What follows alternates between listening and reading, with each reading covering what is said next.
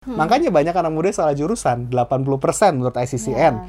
Uh, anak muda salah jurusan. Dan ternyata menurut dari Job Street aja, 73% banyak anak muda uh, nggak uh, puas dengan pekerjaannya sekarang atau nggak happy. Hmm. Jadi kerjaan sama passion sama jurusannya itu beda gitu. Udah sama. salah jurusan, kerjanya juga nggak sesuai sama passion gitu ya mas. Nah, stressful tuh. Iya gitu. Nah jadi uh, sebetulnya saya bicara ini kan memang idealnya ya. Cuman ya hmm. ya pada kenyataannya ya apa harus gimana dong ya? Ini memang kehidupan. Hmm. Kita semua pasti mengalami quarter life crisis kan yes, gitu loh. Dan betul. ini semua dialami oleh semua orang dan anda nggak sendiri, kamu nggak sendiri kok. Smart FM, Smart Smart Career. Hai Smart Listeners, kita berjumpa lagi dalam podcast Smart Career Tentunya bersama saya Maria Delsa dan juga Mas Harmoni Esra dari Personix dan juga Power Karakter Mas Harmoni, berjumpa lagi. Apa kabar? Sehat dong. Gimana sehat kabarnya. Maria? Saya juga sehat selalu. Nah, di episode kali ini kita mau ngomongin hal basic yang biasa sering banget diobrolin sama anak-anak muda di tongkrongan ya. Betul. Kalau bukan passion, nggak mau kerja ah. Wow. Kadang kita juga susah nih ngebedain apa itu passion, apa itu hobi. Nah, Betul. mungkin Mas Harmoni bisa menjelaskan passion tuh apa sih, gitu ya. iya. ya. Sebelum menentukan nggak mau kerja sesuai passion gitu ya. Iya. Harus tahu tahu dulu nih passion tuh apa. Betul. Jadi memang sesuai topik pembicaraan pada hari ini kita kan ngomongin passion ternyata nggak cukup. Yes. Passion aja itu ternyata nggak cukup. Karena hmm. kita dibombardir dengan knowledge ya tentang hmm. apa ya motivator di YouTube banyak banget. Kejar passion lu, temukan hmm. passion lu, temukan up, uh, uh, passion tuh harus ditemukan supaya menemukan kayak seolah-olah nemuin passion tuh kayak nemuin, nemuin tujuan hidup gitu. Mm -hmm. Sebetulnya apakah 100% salah? Saya nggak 100% setuju sebetulnya. Mm -hmm. Karena passion itu baru satu step. Ibarat analoginya nih, kalau mobil mau jalan perlu bahan bakar. Mm -hmm. Perlu bensin, ya toh? Ya passion itu just simply a bensin. Cuman mm. cuman cuman bahan bakar aja. Mm tapi tanpa tujuan, tanpa mau ke mana, hmm. ya mobil ini akan cuma sekedar muter-muter aja, tanpa kita mau ke mana gitu. Hmm. Ya, jadi sering kali uh, banyak orang yang mendefinisikan passion itu uh, hal yang kita lakukan uh, dan kita semangat ngerjainnya, dan kita happy ngerjainnya. Uh, itu hal yang baik, memang betul harus dicari gitu ya. Cuman uh, apakah sering kali orang ketuker sama hobi gitu. Kalau yeah. misalkan siapa sih yang nggak seneng main game gitu ya, pasti hmm. seneng banget main game gitu. Tapi ya ada titik di nama namanya law of diminishing return sebetulnya. Kalau hmm. misalnya kita betul-betul ngomongin passion ya, law of diminishing return itu bicara soal kita misalkan Maria suka makan nasi goreng, hmm. saya suka makan ayam ayam bakar misalkan gitu ya. Ketika kita makan makanan yang sesuatu yang kita suka terus menerus lama-lama bosen nggak? Bosen. Bosen. Mm -hmm. Dengerin lagu yang kita suka berulang kali lama-lama bosen nggak? Bosen. Bosen. Mm -hmm. Sama gitu. Jadi kalau misalkan cuman uh, definisi passion itu cuman sekedar apa yang kita suka saja, mm -hmm. maka ini berbahaya karena itu kita cuman uh, pasti sampai di titik di mana kita kan bosen ngerjain hal itu. Kayak capek mm -hmm. dan kita kan uh, mau sesuka apa pun terkait dengan hal itu kita kan bosan dan mencoba hal-hal yang lain. Hmm. Nah, makanya sering kali uh, kita terjebak dengan mengejar passion, mengejar passion, dan itu sebetulnya nggak cukup.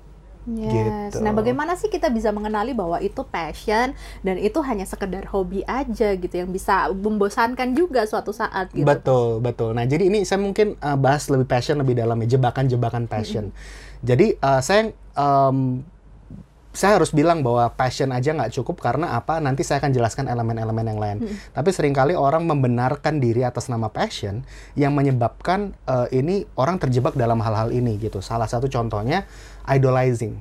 Orang hmm. idolizing ini apa sih? Mengidolakan. Jadi kita hmm. di teori psikologi dalam fase perkembangan itu ada fase nah, di mana kita mengidolakan seseorang dan kita cenderung meniru. Jadi kalau misalnya zaman sekarang anak-anak muda sukanya ngelihat YouTube, TikTok, dan akhirnya ketika ditanya mimpi kamu mau jadi apa, saya mau jadi YouTubers. Udah beda ya kalau kalau dulu kan pengennya jadi dokter, iya. jadi sus, uh, polisi, polisi, sekarang udah pengennya jadi youtuber. Gitu ya. iya ya. gitu. Karena apa? Kita berusaha untuk kita terinspirasi oleh seseorang, kagum sama seseorang, dan kita berusaha meniru dan hmm. orang salah kaprah dan itu mengira oh itu passion saya gitu. Apakah 100% salah? Enggak juga. Boleh nggak dijadikan inspirasi? Hmm. Ini boleh aja, cuman apakah jangan sampai nanti ini elemen-elemen yang kita nanti saya akan bahas di sini, orang tuh bisa nyasar gitu.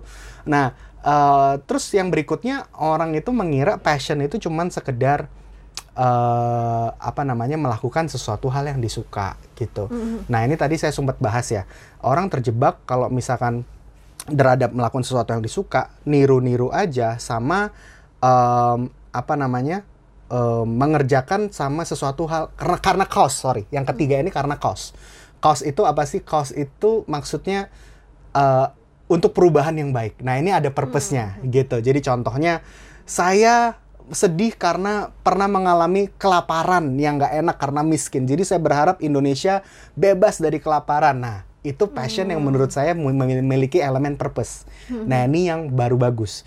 Jadi passion and purpose ini idealnya baru ideal. Jadi bisa definisi yang cukup baik gitu. Jadi ketika kita punya ada ada apa ya discontentment bahasa Inggrisnya bahasa Indonesianya ketidakpuasan gitu. Hmm. Kegelisahan. Nah, keresahan-keresahan keresahan keresahan. Nah, hmm. keresahan-keresahan itu yang dijadikan passion yang menurut saya itu memiliki elemen purpose yang kuat yang gitu. untuk membawa perubahan. Yang untuk membawa perubahan. Nah, ini boleh Anda pakai ini karena uh, lebih baik dibandingkan hmm. definisi-definisi passion yang sebelumnya. Hmm. Ya, cuman karena suka, hmm. cuman karena happy, cuman karena ikut-ikutan, itu nggak kuat. Tapi passion yang yang baik-baik adalah harus punya elemen purpose-nya hmm. gitu punya tujuannya hmm. jadi berangkat dari keresahan nah itu sehat hmm. gitu nah nanti saya juga akan tambahkan elemen-elemen yang lain terkait hmm. dengan sebetulnya apakah passion tuh cukup nggak sih gitu nah sebelum kita uh, masuk ke beberapa elemen yang tadi apakah hanya passion itu cukup cukup di passion aja atau bagaimana dan uh, pertanyaan yang sering ditanyakan adalah uh, bagaimana jika saya bekerja tidak sesuai passion saya apakah itu salah dan apakah memang harus bekerja sesuai passion sih Mas Harmoni? ya Jawabannya idealnya iya dong gitu. Jadi kalau bisa kita kerja berdasarkan apa yang kita sukai. Makanya ada konsep-konsep ikigai, tahu ya dan lain sebagainya gitu. Jadi memang idealnya kerjakanlah sesuatu hal yang memang bikin kita semangat gitu, yang bikin kita berenergi gitu ya dan kayak berasa nggak kerja. Idealnya kan demikian. Cuman ya um, pasti ada kerjaan-kerjaan yang pasti redundant kan gitu. Mm -hmm. Pasti ada pasti ada titik di mana kita pasti bosan tadi yang saya bilang mm -hmm. law of diminishing return itu tadi. Nah, jadi itu hal yang wajar. Nah, cuman kembali lagi, jadi kita bukan hanya kerja berdasarkan hmm. passion saja, tapi jangan lupa uh, ada elemen-elemen lain yang, yang kita boleh saya sampaikan sekarang ya. yes, ya. boleh. Ternyata kerja itu gak cukup hanya passion, tapi juga harus berdasarkan talenta dan juga harus berdasarkan purpose-nya kita dan tujuan hmm. kita. Nah, berarti apakah sebelum kita menemukan passion kita harus tahu talenta kita dulu, Mas? Pen penting banget gitu. Hmm. Makanya uh, acara kita kan di Smart Character Radio Talk itu bicara soal mengenali diri, hmm. mengenali talenta, mengenali kelebihan yang kita miliki karena setiap orang punya kelebihan yang berbeda-beda, punya kemampuan yang berbeda-beda dan kita kalau jadi orang lain akan jadi repot. Nah, saya punya frameworknya di sini, ya. Hmm. Nah, jadi semua orang hmm. pasti pengen sukses, betul lah? Yes. Ya kan? Dan semua orang yang berhasil, semua orang yang profesional punya satu hal, yaitu apa?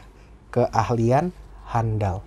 Hmm. Kita kalau mau ke dokter gigi, pilih ke tukang gigi atau ke dokter gigi? Dokter gigi dong. Ya, kalau sakit gigi maunya ke dokter gigi kan. Hmm. Kalau ke tukang gigi bisa aja mungkin, tapi solusinya apa? Cabut gigi. Hmm. Tapi apakah cabut gigi solusi eh, yang apa uh, mutlak? Belum tentu dia tahu kan. Betul gitu. Nah jadi um, ini yang perlu kita sadari bahwa sem orang yang dipercaya, orang yang berhasil adalah orang-orang yang memiliki keahlian handal.